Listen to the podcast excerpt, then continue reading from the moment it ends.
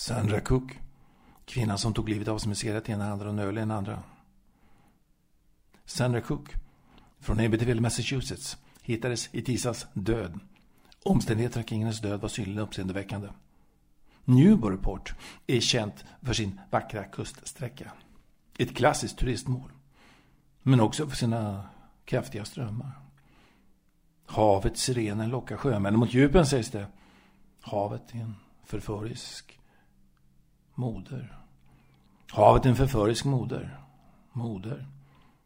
Bränningarna sköljde stenblocken i sin hypnotisk, vaggvänliga rytm. Medan Sandra Cook, klädd i täckjacka med kapuschong, enkla byxor av jeanstyp och fritidsskor, spanar mot horisonten. Vad tänkte hon på? Ingen vet. Det enda som med säkerhet kan fastställas är att hon i ena handen höll en ölflaska av märket Budweiser. Denna amerikansktillverkade öl är, till skillnad från exempelvis den tyska eller danska ölen, syntetiskt tillverkad.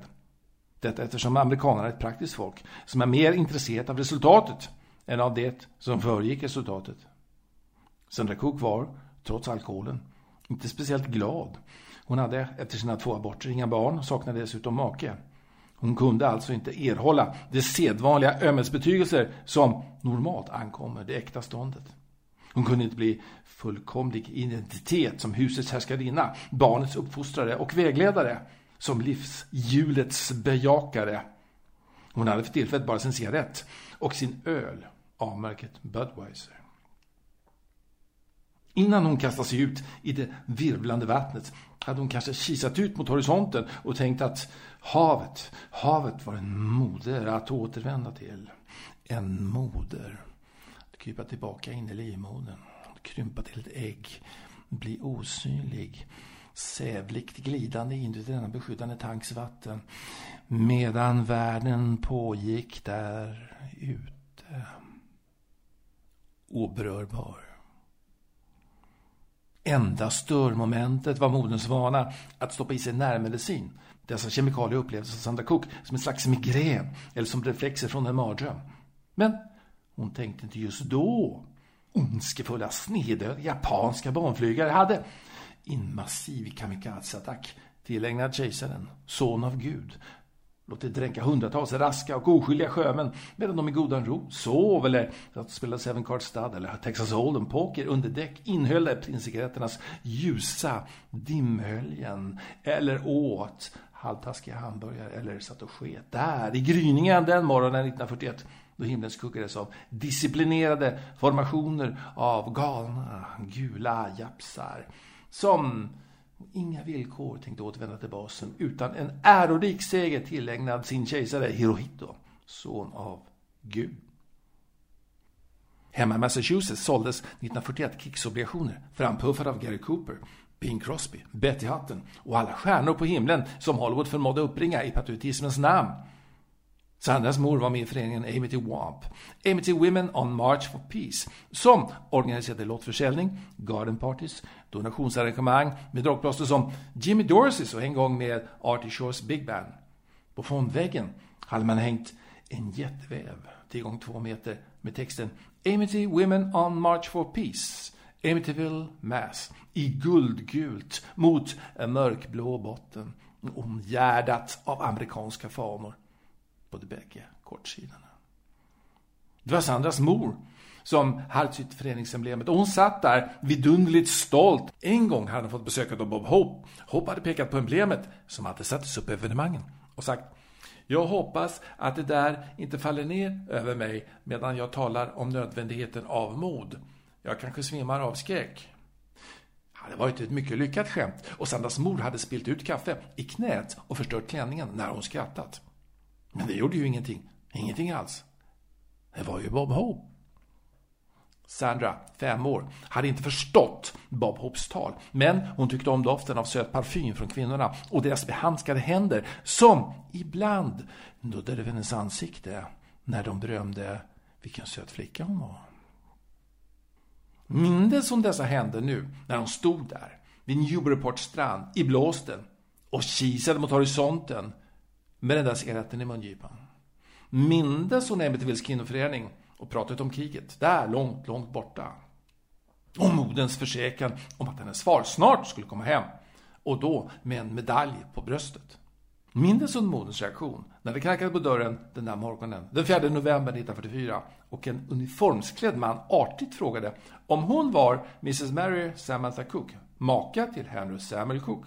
Och svaret hade blivit jakande, och hur mannen kort meddelat att de tyvärr hade som uppgift att meddela att löjtnant Cook rapporterat som stupad i samband med strider vid Sydkinesiska sjön i Stilla havsregionen och att amerikanska flottan härmed önskade framföra sina kondolenser för en amerikansk patriot, en man som givit sitt liv för friheten, för USA och för världen.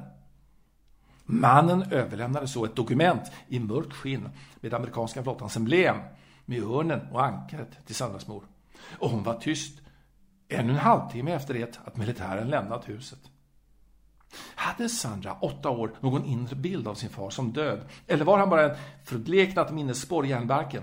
Komponerat av en raspig manstämma, en vårta på tummen och två rastlösa, bruna ögon. Hon blev i alla fall vittne, ett stumt vittne, ty hon blev livrädd, rädd för mamma, rädd för att hon gjort något dumt, rädd för livet. När, när Mary Cook med ett urgrundsvrål ett ljud som dottern aldrig någonsin tidigare hört. Efter den långa, outhärdliga tystnaden grep tag i en manshög vas fylld med snittrosor och slungade den med kraft i hallgolvet där den splittrades som vassa porslinsbitar for åt alla håll. Sandra rusade upp för trapporna men kröp ihop bakom den snidade träbalustrad där man hade utkik över det kokska vardagsrummet eftersom hon måste se vad som hände. Och det som hände var att Mary Cook metodiskt slog sönder den servis i kinesisk imiterat porslin hon hade fått i lysningspresent. Och det som hände var att Mary Cook rev ner de omsorgsfullt arrangerade spetsgardinerna från vardagsrumsfönstret så att ett iskallt, grymt solljus med alla dess demoner invaderade rummet och huset och gjorde det igenkännbara och trygga, främmande och farligt beröra. Sandra, Sandra, vart ska du vända dig när din mor inte längre är din mor? När vänster blivit höger och ovan blivit nedan. Du såg på så länge som du kunde, men när din mor gav dig en konstig blick rusade du in på ditt rum och låste det och hoppade upp i sängen och drog täcket över huvudet och började nynna på The Star Spangled Banner utan att förstå den, men hört om det hade du ju genom din mammas alla välgörenhetsjippon. Hon upprepade The land of the free, and the home of the brave. Åter och åter och åter i väntan på att mamma skulle komma och trösta henne. Men hon kom aldrig. Vågorna som skulle komma och dränka dig gjorde det ingenting, Sandra. Du hade huvudet fyllt av andra saker.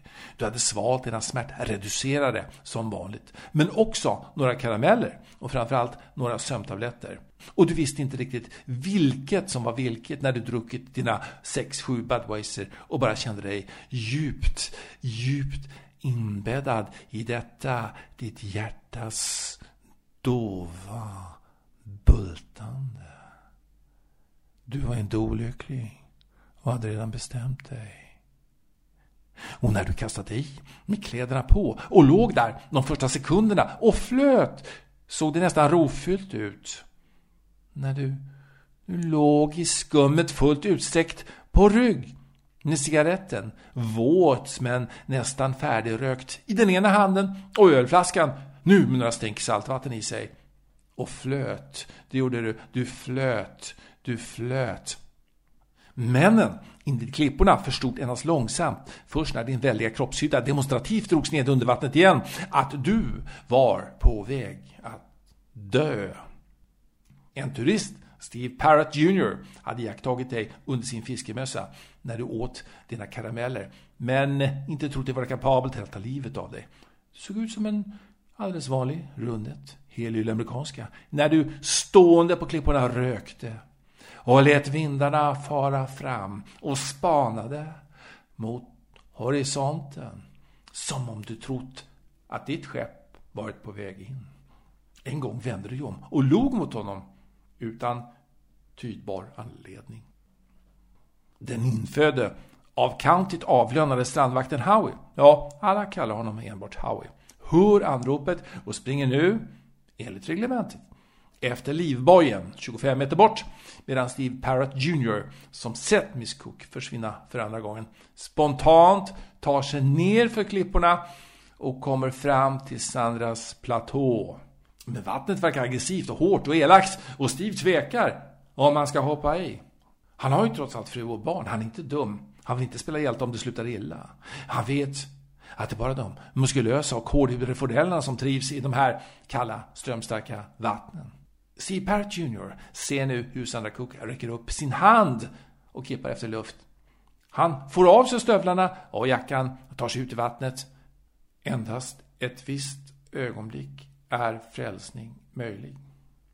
Frys ögonblicket i tid, betraktad från alla sidor, lyssna in dess tystnad.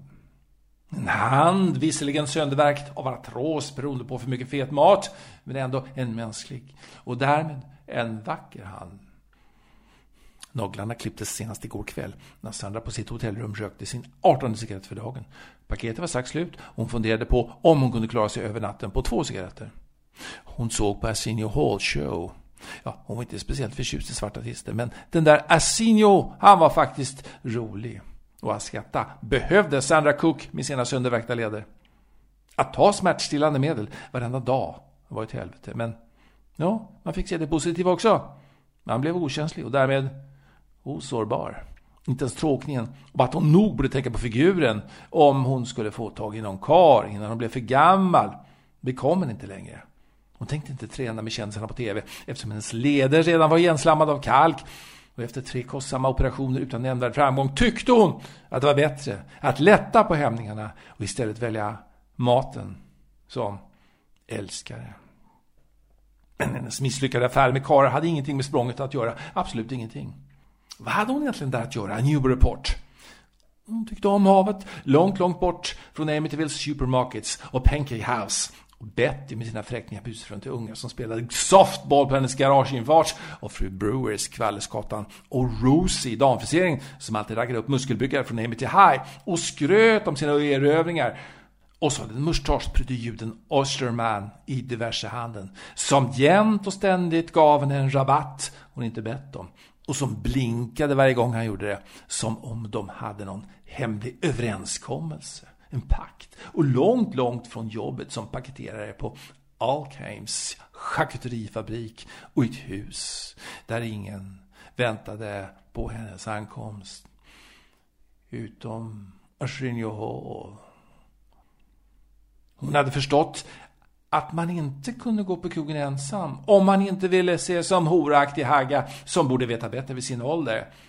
Enda märkbara tecknen på någon slags upprätthållen respekt, hållen för vänskapsbetygelse, var de få julkort som kunde dyka upp i brevlådan. Och de kom oftast från kusinerna i Wilmington, Montana.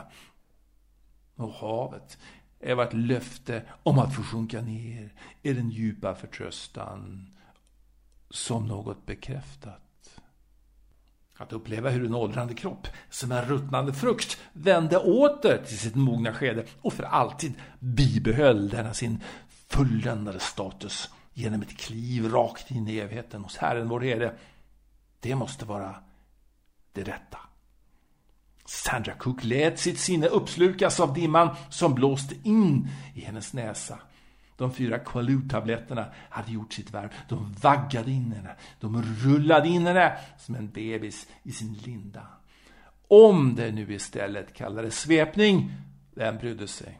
Sandra Cook brydde sig heller inte om om hon syndade nu när hon för tredje gången sjönk under vattenytan och drogs ned av en osynlig hand. Sandra hade nu vänt sitt ansikte nedåt som om hon förväntansfullt velat fånga en glimt av vad som väntade henne där nere, eller där borta, innan hon slutgiltigt gav upp andan. En impuls genom substantia reticularis avgjorde slutligen hela saken, rent medicinskt. En tanke om att vattnet Denna moder för oss alla skulle omsluta hennes ohjälpligt, ograciösa och söndervärkta lekamen med något som skulle kunna liknas vid kärlek.